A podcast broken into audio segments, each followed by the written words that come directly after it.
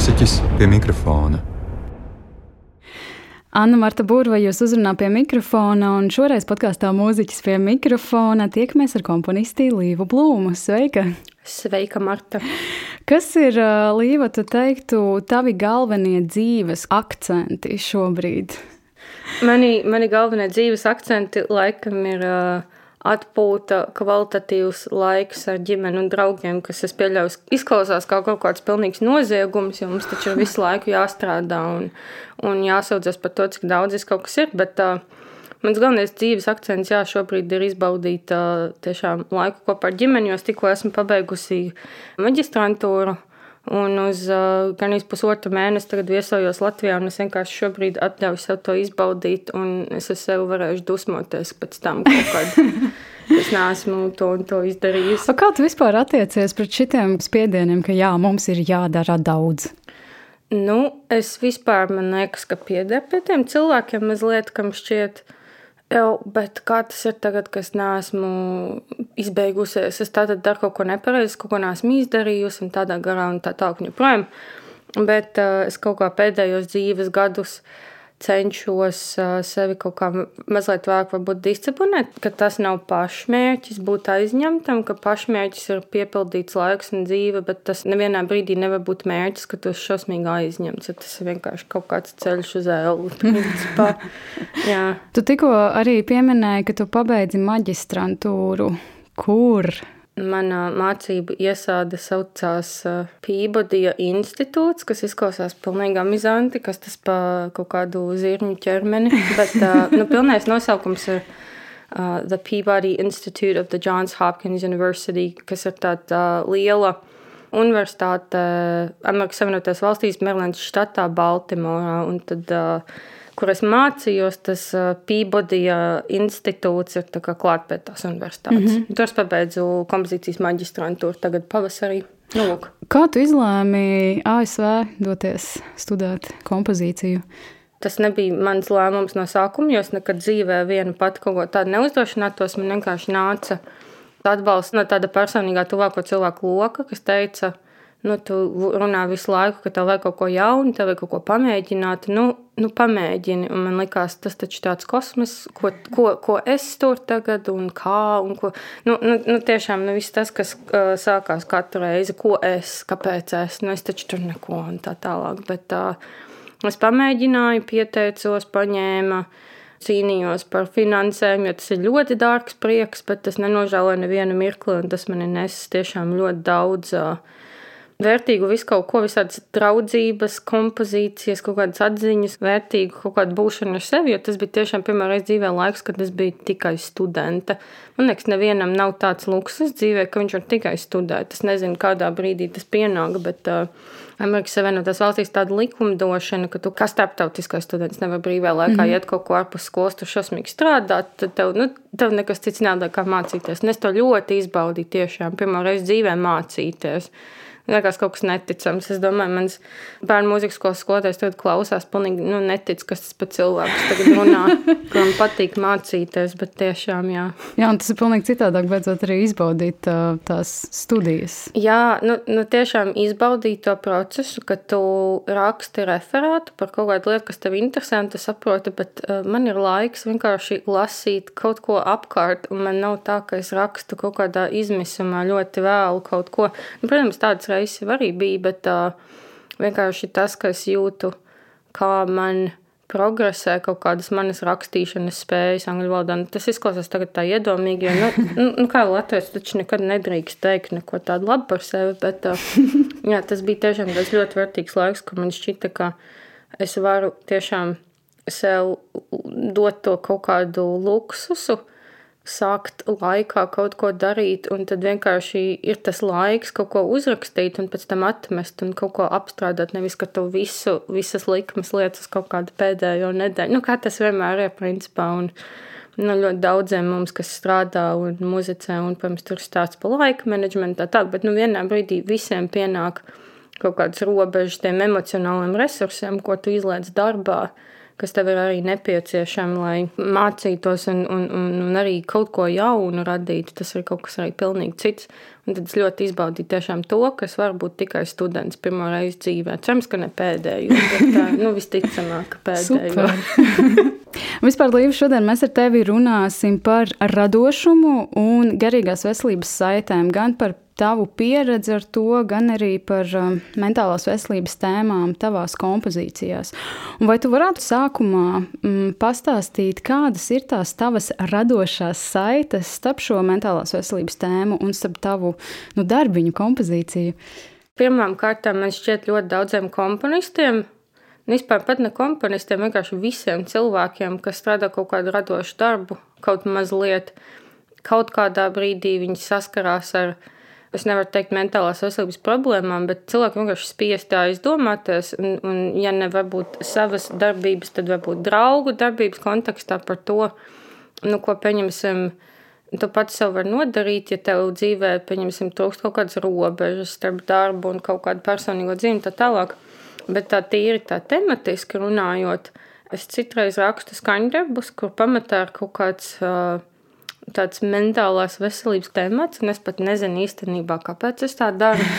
Jo es ļoti labi saprotu, ka tie divi cilvēki, kas varbūt SoundCloudā noklausīsies kaut kādu vienu kompozīciju, tagad nekļūs par tur mentālās veselības aktīvistiem, bet uh, vienkārši kaut kā atnāk kaut kāds vai nu teksts vai kaut kāda cita lieta. Nu, piemēram, uh, mans kompozīcijas profesors, viņam bija tāds uzstādījums, kā, nu, uh, mēs esam tādi lieli draugi ar tādu, tādu profesoru, un tad viņa audzēkņiem, tā kā man audzēkņi kaut ko raksta. Un pirmais uzdevums bija rakstīt solo dziesmu, un es uzrakstīju solo dziesmu, kas saucās Can of Worms, un tas uh, angliski ir tāds uh, izteiciens, kas apzīmē pieskaršanos, tikšanu galā ar kaut kādu lietu, kas ir pati par sevi tas process būs nepatīkams un nav garantēts kaut kāds ļoti foršs risinājums. Un tad es tā to apspēlēju, ka, ka mentālā veselība ir kaut kas līdzīgs, ka tu varbūt kaut kādā brīdī dod sev atļauju, mēģināt to šķetināt, kaut kā sev palīdzēt, bet tas nevienā brīdī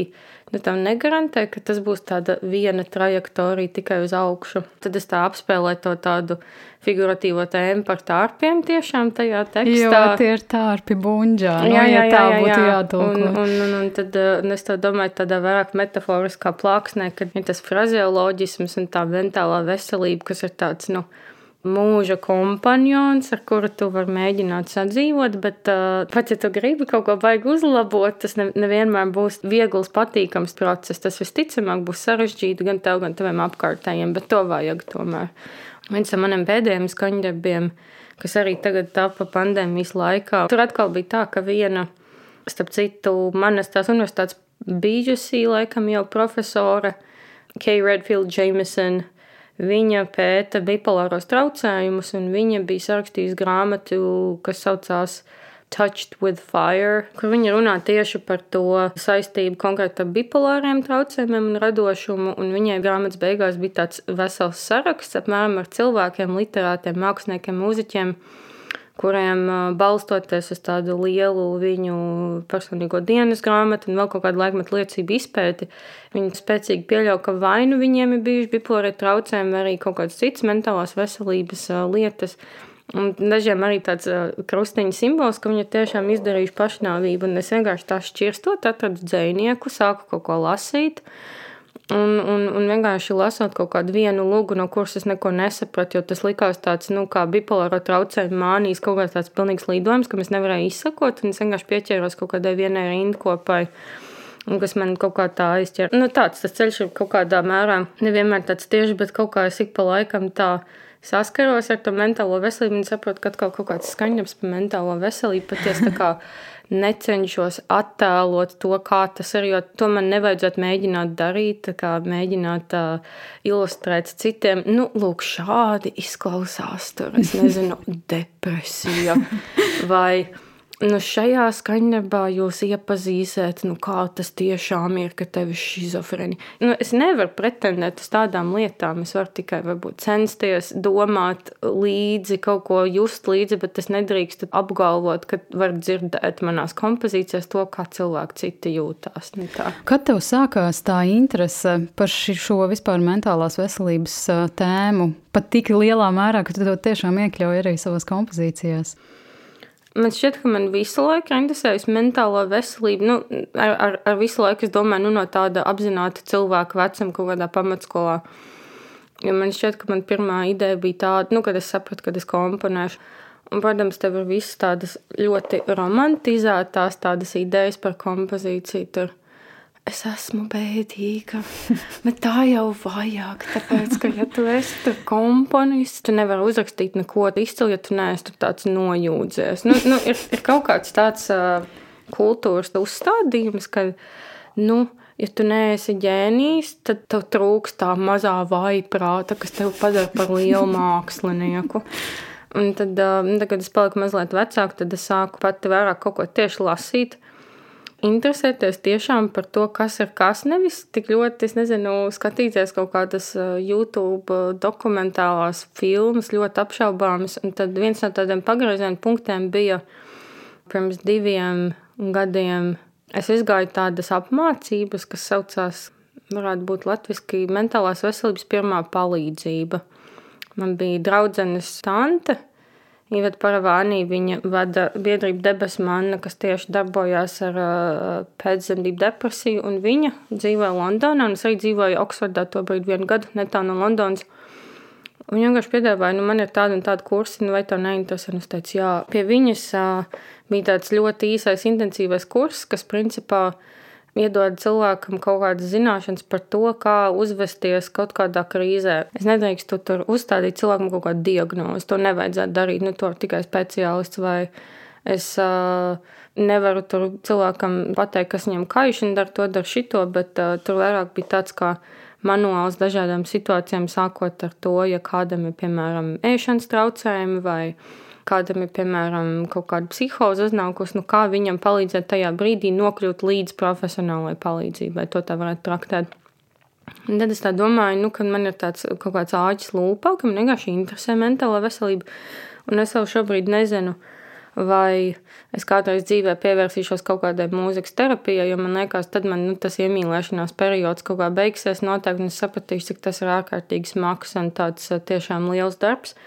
Bet man vēl joprojām man ļoti, ļoti interesē mūzika, ārstnieciskos kontekstos, jo tāpat arī nu, pirms diviem gadiem, pilnīgi nejaušā kārtā, Anna Lāce, kas ir kuratore Sansusī mākslinieku rezidencēm, Viņa bija pamanījusi, ka kaut ko bija rakstījusi Facebookā par to savu apmācību. Viņa tāda, bet klau, mums ir tādas un tādas rezidences, vai tev interesētu, mēs varētu strādāt ar Aknijas psihoneiroloģiskās slimnīcas pacientiem. Man bija tāds bingo. Nu, nu, tā, ka tiešām tad es arī mēnesī darbojos kopā ar vienu choreogrāfu un uh, leļu mākslinieku. Mums kādreiz bija tādas mazas darbnīcas, un mēs kopā beigās iestudējām tādā ēnu teātrī, un tad man ar to choreogrāfu arī bija tāda mazā performance par uh, ķermeņa Nu, kā varētu pateikt, tādos labos vārdos, nu, kaut kādu, tā kā tādu izkropļotu ķermeņa skatījumu. Man ļoti nepatīk lietot tādus neko neizsakošus anglicismus, un tam man paiet kaut kāds laiks, kamēr es nu, tā kaut kā ļoti... būtu angliski.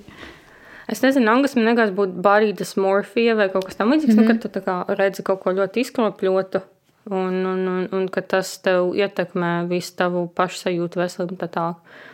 Tad es visu laiku esmu tādā interesēta, kā meklēt kaut kādas tādas uh, varbūt uh, ārpus klasiskām koncertu zālēm kaut kādas iespējas, vai, kā es teicu, pirms tam varbūt rakstīt par kaut ko tādu. Jo man tas viss vienkārši kaut kā ļoti interesē un mm -hmm. vilina. Kas varbūt kādam liekas, bet kāpēc tev interesē nu, kaut kādu citu cilvēku ciešanas? Bet man tieši vairāk interesē parunāt par to tematu, un ne jau, ka es ceru, ka mans kompozīcijas pievērsīs milzīgi lielu uzmanību tai problēmai, un tagad mēs visi sadosimies rokās un un paliksim par tādu ļoti akceptējošu sabiedrību. Bet varbūt savā ziņā tā ir kaut kāda iespēja vienkārši kaut vai caur koncertu programmiņām atkal pacelt to tēmu. Un varbūt ir kāds viens cilvēks, kurš domā par to, ka viņam vajag palīdzību, bet viņš nevar saņemties, jo viņš domā varbūt ah, es taču nevaru iet uz terapiju, taču cilvēkam ir īstas problēmas. Mm. Nu, ko tad mm. es tur taču nevaru? Tā. Vai arī cilvēks uh, ir kaut kādā situācijā, kas viņam tiešām nedara nekādu prieku, nekādu labumu, un tad varbūt viņš tur palas, jā, ir kaut kāds skaņdarbs par tādu un tādu mentālas veselības problēmu, un tad cilvēks domā, jā, man ir slikti, bet es zinu, kādam ir vēl sliktāk, varbūt es viņam varu palīdzēt, kaut kā meklēt palīdzību. Nu tā. Tagad izklausās, ka man ir baigā misija, bet uh, Tas varētu būt tāds, nezinu, varbūt blakus produkts tiem skaņdarbiem par mentālo veselību. Tu pieminēji jau tos divus skaņdarbus, kur viens bija Can of Worms, un otrs bija, kā sauca to, kur tu mm, ietekmējies no bipolāriem traucējumiem. Jā, nu šis pēdējais skaņdarbs saucās The Meadow is full of fear and danger. Un tas ir tāds ļoti garš nosaukums, bet tas arī ir pēdējā rindiņa tam mazajam tekstiem, ko es tur izmantoju. Tur vienkārši bija teksts apmēram tāds no angļu valodas, ka ir krēsla. Kaut kāda tur ļaunā čūska ir iznākusi atkal pļavā, un pļava ir pilna briesmu un, un, un kaut kādu tur šausmu. Un tur bija kaut kāda rindiņa par to, ka kaut kāds zielapiņas izkaisīts, un tas tāds ļoti romantisks it kā teksts. Es kaut kā lasīju un domāju, nu, man tas kaut kā saslēdzās ar cilvēku pieredzēm, kaut kur lasīt to, ko kā cilvēki jūtās pirms kaut kādas ļoti nekontrolējamas epizodes, ka viņi jau sevi pazīst tik tālu, ka viņi saprot, ka varbūt viņu mentālajai veselībai kaut kāds ciklisks raksturs un ka viņi jau jūt kaut kādas tās uh, norādošās zīmes, nu, ka kaut kas tuliņās principā nāks tāds nepārāk labs. Un, un, un varbūt man gribēja jautāt, vai man ir kaut kāda cita vēl skaņdarbi, bet uh, tam man bija, nu, piemēram, viens tāds skaņdarbs, ko es uzrakstīju tīri tādā tiešām mācību kontekstā, jo man bija priekšmets, kas saucās operetīdes, kur vajadzēja rakstīt ārijas, recitatīvus, dotas un kādas vēl lietas, un tad es tajā vienā skaņdarbā izmantoju to pašu mentālās veselības pirmās palīdzības kā, darba oh. burtnīcas tekstu. Tur bija konkrēti tāds uzdevums, kur mums vajadzēja trīs cilvēkiem iztēloties situāciju, kurā ir cilvēks, kurš dzird balsis galvā, un nevis tā, kā mēs katrs dzirdam balsi, kas mums saka, nu kā tu atkal šodien tur tā un tā un tā, bet tiešām, kad tas ir kaut kas tāds, ka tu tiešām pilnā skaļumā kaut ko runā, tā kā tas būtu vēl viens cilvēks. Tas uzdevums bija tāds, ka viens cilvēks sēž, viņam uzdod jautājumus, un tad uh, trešais runā viņam ausī caur trubiņu, un tad tajā darba burnīcā bija tāds teksts, kas tev ir jālasa tam cilvēkam ausī. Un tad es mēģināju uztaisīt tādu skaņdarbu, kur klausītājs ir tas cilvēks, kuram uzdod jautājumus un kuram ir arī ausīs jāklausās tās wow. visas lietas. Un kaut kur ik pa laikam tā mentālā veselība tiek iekšā manā daļradē, kas vispār liekas smieklīgi. Teikt daļradē, man liekas, var teikt daļradē, tad, kad ir kaut tur 500 plus skaņdarbi. nu, nu, tas, tas atkal ir. Un cik ir tavā daļradē šobrīd? es nezinu. Es, es negribu par to domāt, jo visu laiku ir tāds, tas taču vispār nav nekāds tur skaņdarbs, to nevar teikt nu, nu tā, bet uh, tas man liekas ļoti daudziem cilvēkiem, ka tur komponists tāds un tāds. Opusa numuru sāka likt tikai sākot to tā un tā skaņa, bet nu, viņš nomirst, simts gadi paiet, un tad citi cilvēki bez pilnīgi jebkādas kauna izjūtas spēlē arī to, ka tas komponists pats tajā brīdī nav īsti atzins. Nu, tā. Bet tā laikam ir vis, nu, daudziem radošiem cilvēkiem kaut kāda problēma saskatīt to, ka tu vari vienkārši dzīvot un mēģināt mazliet ignorēt to iekšējo kritisko balsi. Un ne tādā ziņā, ka tu vispār nedomā ne par ko tikai kā par to savu radošo. Jo kaut kādam iekšējam cenzam ir jābūt tādā ziņā, ka tu izlem, kas būs tiešām labs un kas nē, bet ļoti bieži tas vispār neko nedod, kas tev tur iekšā vārās un runājās. Es tieši šajā sakarā gribētu te jautāt, kādas ir tavas attiecības vai kādas tās ir bijušas ar garīgo veselību tev pašai? Jā, nu man ir bijušas visādas attiecības, kā jau nu, daudziem pusaudžiem. Tad tur ļoti pārdzīvo, jūties kaut kāds nepieņemts, tad tur varbūt neizgulēs ilgstoši. Man bija kaut kāds viens periods, kas vienkārši bija kaut kāda viena vasara, un es vienkārši nevarēju aiziet gulēt. Es, man liekas, mans rekords bija divi pusdienakts, kas vienkārši neaizgāja kādā, vienkārši nenāca miegs. Es kaut vispār, ko, vispār. Jā, un es kaut ko tur lasu, neiztaigāties, bet tagad padomāju atpakaļ. Nu, tas iespējams bija tāpēc, ka man trūka kaut kādas, nezinu, garīgās vai fiziskās slodzes, jo es nekad dzīvē neesmu bijis briesmīgs sportisks cilvēks, un tagad es kaut kā mēģinu to labot mazliet, bet uh, tad es arī, nu, vairāk kārt esmu piedzīvojis izdegšanu, nevar būt tik ļoti izteikti un spēcīgi, kā tas varbūt bija iepriekšējās vienā no epizodēm Elīnai, bet uh, tos tagad atskatot, saprotu, nu, ka tā bija izdegšana. Un ir bijušas arī kaut kādas tādas nu, zaudējuma situācijas, ko es piedzīvoju kaut kādos periodos, kā piemēram vidusskolas pašas beigas, kad ir kaut kāds liels zaudējums ģimenē. Un tu kaut kā to noroc, jo tu kā tāds ļoti priecīgs, un tur rāmens lielais sapnis par kompozīciju, un kaut ko vēl. Un tad pēc kaut kāda gada, pusotra, tas vienkārši uznirst ar pārstrādāšanos, viss tāds liels muškulis kopā. Bet um, nu, tagad jau es esmu uh, jau sieviete gados, nevar tā teikt, bet uh, to es jau visu apstrādājusi un, un, un, un tur tā. Bet, uh, jā, nu varbūt kaut kādā ziņā tā mentālā veselība man interesēs kaut kādas tādas, nezinu, empātijas pret cilvēkiem, kaut gan Es arī nezinu, nevaru tā pateikt, bet tā, tās manas attiecības, jā, ir bijušas tādas, jo kompozīcija arī to īstenībā ļoti izaicina. Jo es arī pēdējos gados domāju ļoti bieži par to, kas ir veselīgs kompozīcijas process, jo man noteikti varēs cilvēku oponēt atkal par to, ko mēs iepriekš runājām, ka jā, labākie skaņdarbi tur vispār rodās tikai negulētās naktīs, un ja nav spiediens, tad tur vispār nekas nav. Protams, tāda apstākļa ir vajadzīga varbūt kādām kompozīcijām, bet man liekas, ka tā ir ilgtermiņā veselīga prakse.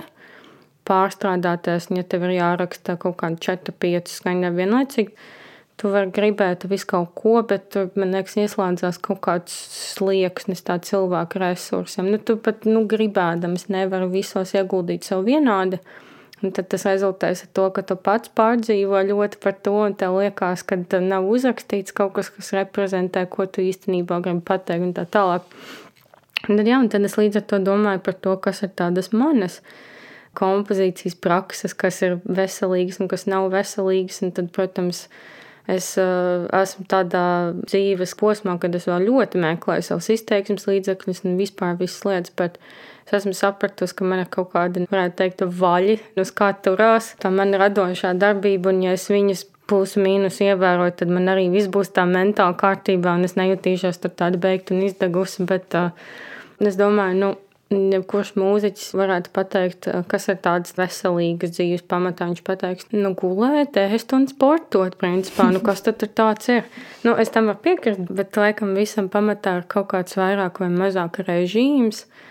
Un es ar to nedomāju kaut kādu cietuma režīmu, nu, kad tiešām kāds nu, tev tur rājās, bet vienkārši strukturēt savu laiku, un kas ir pats svarīgākais, viņu strukturēt ar rezervi visu laiku, jo tā ir kaut kāda lieta, ko es nesapratu jaunībā, kad es centos būt tāda organizētāka, kad es mēģinu visu saplānot par kaut kādām 15 minūtēm. Mm ka tieklīdz kā tev kaut kas aiziet pāri, un tev tas viss sajūgt, tu vienkārši uzkaries un domā, es esmu tik slikts cilvēks, un tā tālāk, un tas ir vienkārši kaut kāds kalendārs, ko tu nesarakstīji kā vajadzēja, bet tu, nu, tas viss kaut kā tev gāžas tā virsū. Un tad, jā, un tad pirmā lieta ir būt uh, realistiskam ar to, ko tu vari paveikt, jo vienmēr gribas uzņemties vairāk, jo tu kaut kā ļoti tici tam nākotnes es un domā, bet Nu, iepriekš man varbūt nebija tie garīgie resursi, lai tur izdarītu tādas un tādas lietas, bet tagad jau man būs, jo es taču ļoti, ļoti to tagad gribu. Varbūt nepaļauties uz tām tā brīža izjūtām par savu optimismu tā tālāk, un, un, un sev iedot kaut kādu ātrāku deadline. Un tad nākamais ir uh, izdomāt, kas ir tāds labākais laiks, kad rakstīt, kas tev neiet pret spālu. Jo es, pieņemsim, kādreiz domāju, ka es esmu nakts rakstīšanas cilvēks, kas varbūt tev tāpat daļai ir, bet tagad man ir tā, ka es labāk rakstu no rīta. Un, un, un man nav bijusi visu dzīvi tāds luksus, kas varētu no rīta ļoti daudz strādāt, jo kaut kādas lekcijas, un tu četros baigi negribi celties, ja tu ej gulēt, nu, nezinu, 12, vienos. Tad tagad pēdējais semestris bija tiešām tāda liela, varētu teikt, svētība, jo man nevienas lekcijas nesākās ātrāk par pus 11. Man tam oh. bija tāds, jā.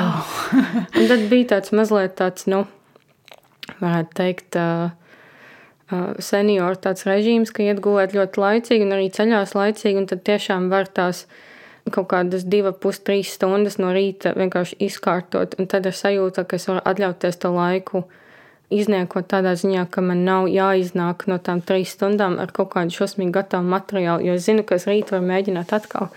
Un tas ir laikam trešais.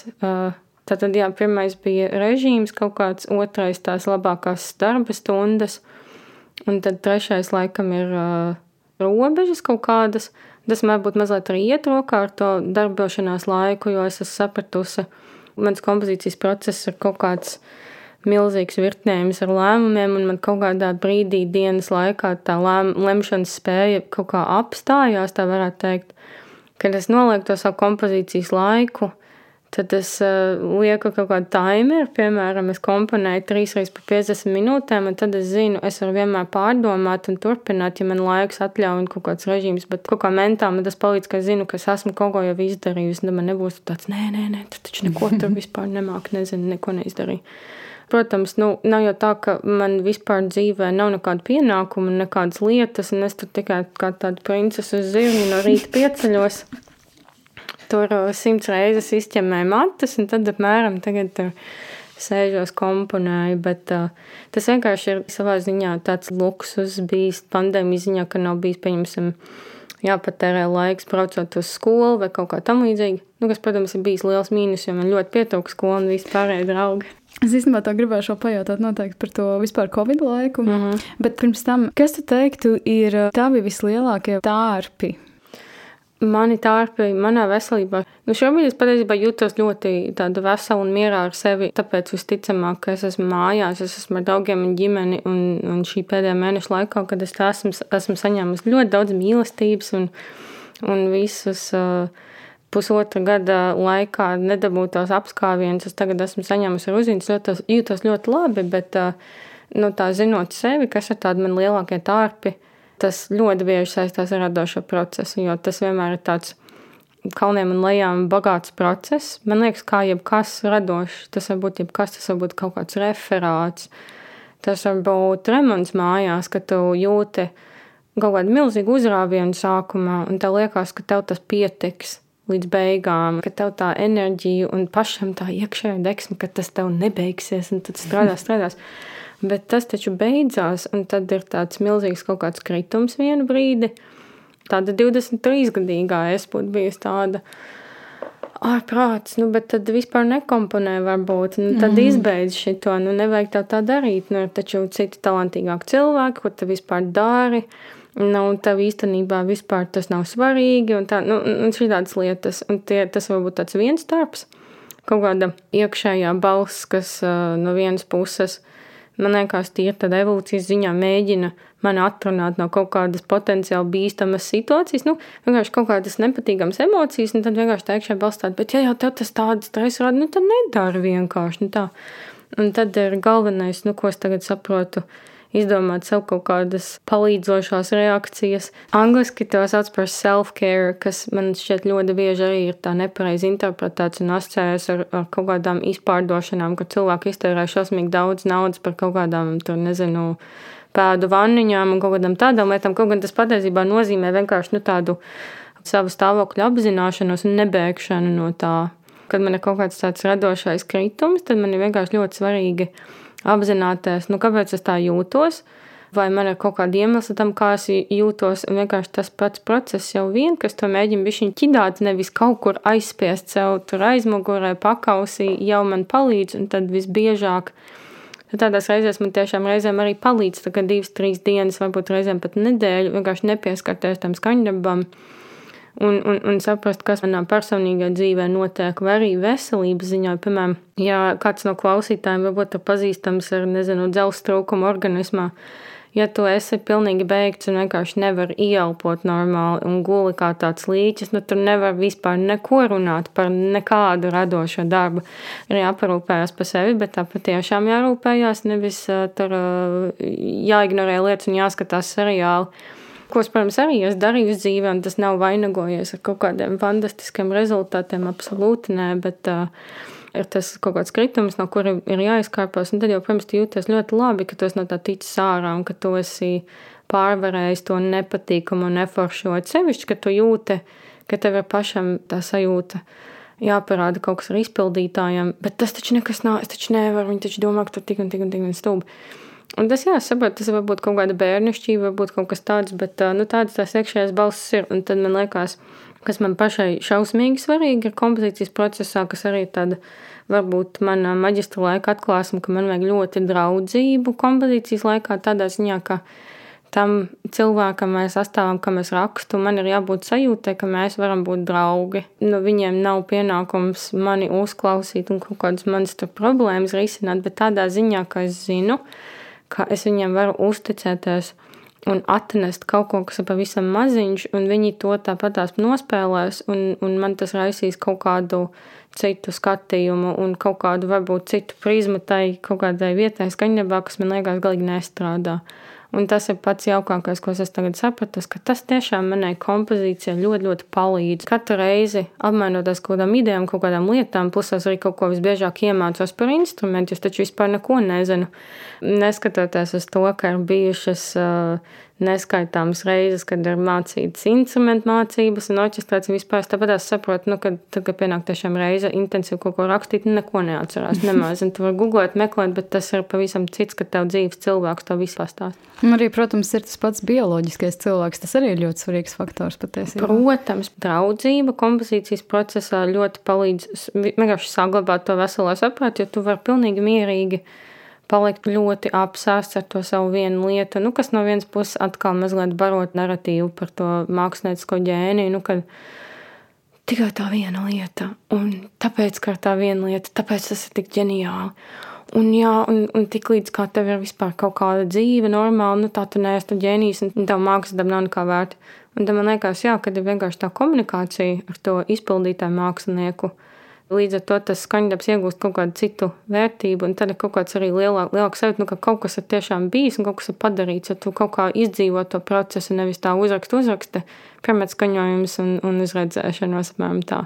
Tu minēji to mm, vajadzību pēc draudzības ar šiem atskaņotājiem māksliniekiem, bet kā tev, piemēram, šajā Covid laikā, kā tev ir bijis sadzīvot ar to, jo noteikti Covid laikā nebija iespējams tik daudz varbūt satikties ar cilvēkiem, tad līdz ar to, ja tev kaut kas ir jāraksta, tu visticamāk esi savās mājās, nevis kaut kādā kafejnīcā, varbūt sēdi vai kādā bibliotēkā. Vai Jā, jo tas, tas izmē, es gribu piebilst, ka es absolūti neuzskatu sev par kaut kādu milzīgu ekstravertu cilvēku, bet vienkārši es to esmu sapratusi tieši par to radošo procesu, ka man ir nepieciešams tas kontakts, jo ar to vienmēr viss sākās. Un, protams, tāda situācija bija arī tagad, bet tas viss tikai zūmā. Tad, protams, tu nevari pirmkārt pats iedot to enerģiju otram cilvēkam kas tev liekas tik nepareizi, tu viņu varbūt apbrīno un gribi viņam izrādīt savu kaut kādu mīlestību un to, kā tu novērtē to, ko viņš dara mūzikā un vispār. Un tad arī tas otrs tev neko nevar tādā ziņā atbildēt. Jūs te varat smaidīt kaut ko, un varbūt uh, internets iesprūst, un tad paliek tāds kaut kāds pušķības, smaids un tā.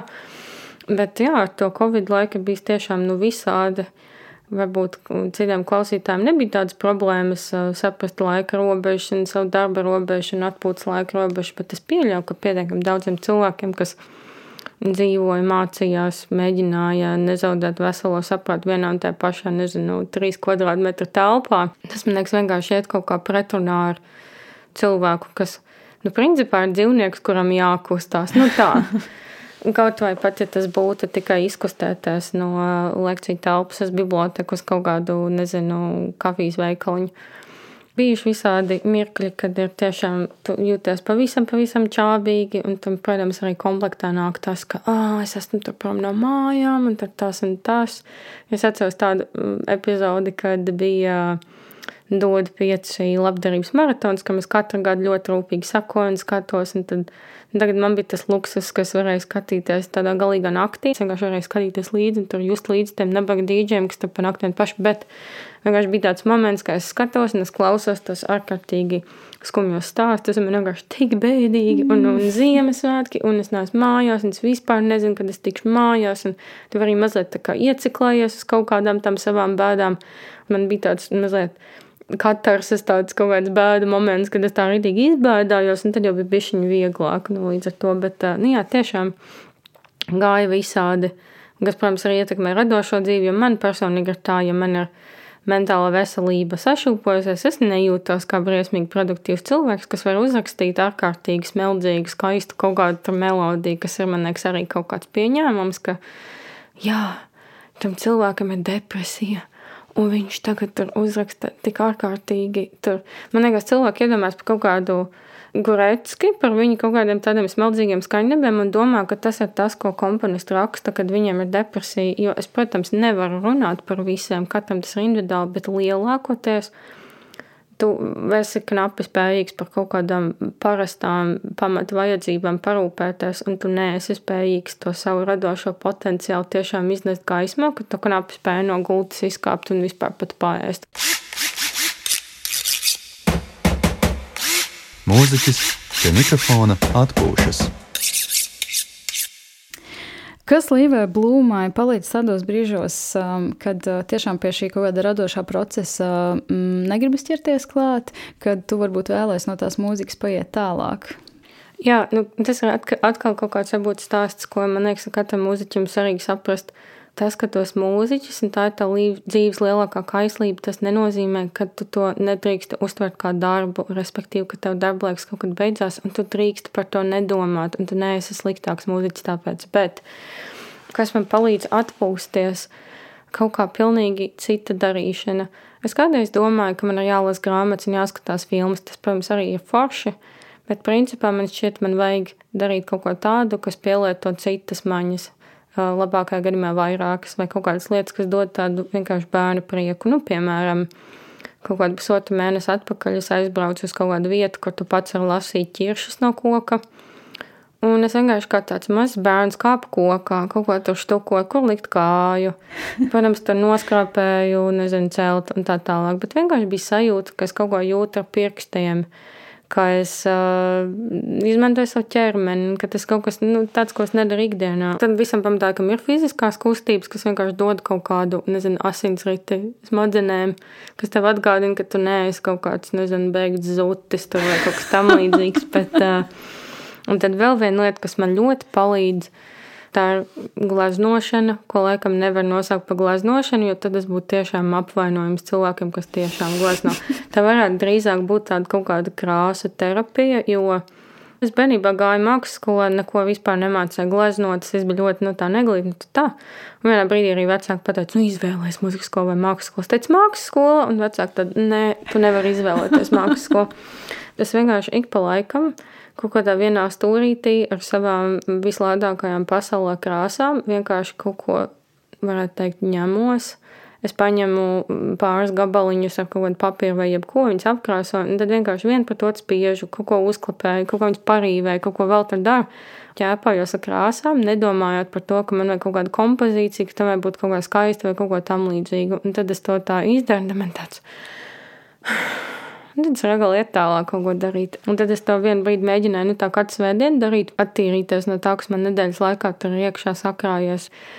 Un tad arī kaut kādas tādas pavisam vienkāršas lietas, kā piemēram, ļoti gara staigāšana. Man patīk ēst, gatavot, kas tādā ikdienā varbūt liekas kā kaut kāds milzīgs tāds pienākums, kas tev prasa laika, enerģiju, un ja cevišķi, ja tu spēlēsi kaut kādu instrumentu, tad kaut ko mizot, griezt ir vispār ļoti grūti un sāpīgi.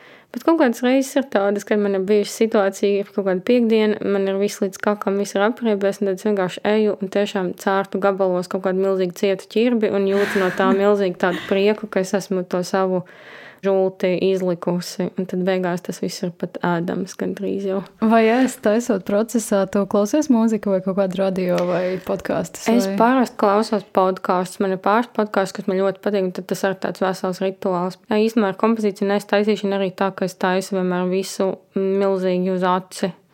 Es vispār nespēju sakot līdz kaut kādām proporcijām, man vienmēr kaut kas atrodas, ko man vajag pielikt klāt. Un tad ar kompozīciju arī ir tā, ka es ļoti bieži, nu, it kā man būtu kaut kāda recepte, ko es pat izdomāju, un es viņu tāpat tās pēc tam beigās atmetu. Procesa laikā jāpierod pie tās idejas, ka var arī kaut ko atmest, un nav vienmēr jāpieturās pie vis tā, kas bija sākumā. Tā. Līva, ko tu varētu novēlēt podkāstu klausītājiem šobrīd?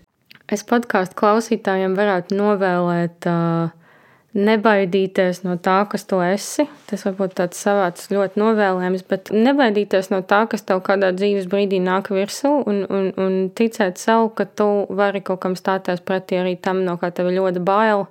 Arī tam, kur tu nejūties pilnīgi adekvāts kaut ko darīt un tam līdzīgi. Jo kaut kāda mana pēdējā lieta, ko es mēģinu savā dzīvē ļoti tā iekļaut, jo es visu laiku no kaut kā baidos, man ir bail. Uh, uzrakstīt kaut kādu ēpastu cilvēkam, ko man ļoti vajag. Man ir bail kaut kādu skaņu nevar rakstīt, jo man liekas, nu, es taču nevaru, ko par mani padomās tā lā. Tad es mēģinu sev vienkārši pateikt, es drīkstu atļauties būt pilnīga muļķa. Un vienkārši, ja tas cilvēks domā, ka es esmu muļķa, nu tad tā ir viņa problēma, un es vienkārši dzīvošu tālāk. Un tad to es novēlu laikam skatītājiem, nekaunēties no būšanas par muļķiem kādreiz, lai cik tas dīvaini neizklausītos. Tas citreiz var dot tādu ļoti lielu atbrīvojošu sajūtu, ka tu vari palaist kaut kādu milzīgu kaunu un bailes vienkārši tā. Un ar šo brīnišķīgo vēlējumu es domāju, ka mēs tagad arī varam no klausītājiem atvadīties. Es tev saku lielu paldies, Līva, par piedalīšanos. Un paldies, tev, Marta, ka tu man uzaicināji šo fantastisko podraidi. Tiešām, tiešām neizsakām liels prieks un gods būt uh, līdzās tādiem milzīgiem cilvēkiem, kas tev jau šeit, šeit viesojušies un, un būt par sastāvdaļu no šīs uh, brīnišķīgās idejas. Un liels paldies, ka tu runā par to. No, Tas ir ļoti svarīgi. Tev. Lielas paldies arī pārējiem klausītājiem. Mēs jau ar jums tiksimies pēc nedēļas šajā pašā podkāstā Mūziķis pie mikrofona. Visu labu un es drīz sadzirdēšanos! Mūziķis pie mikrofona.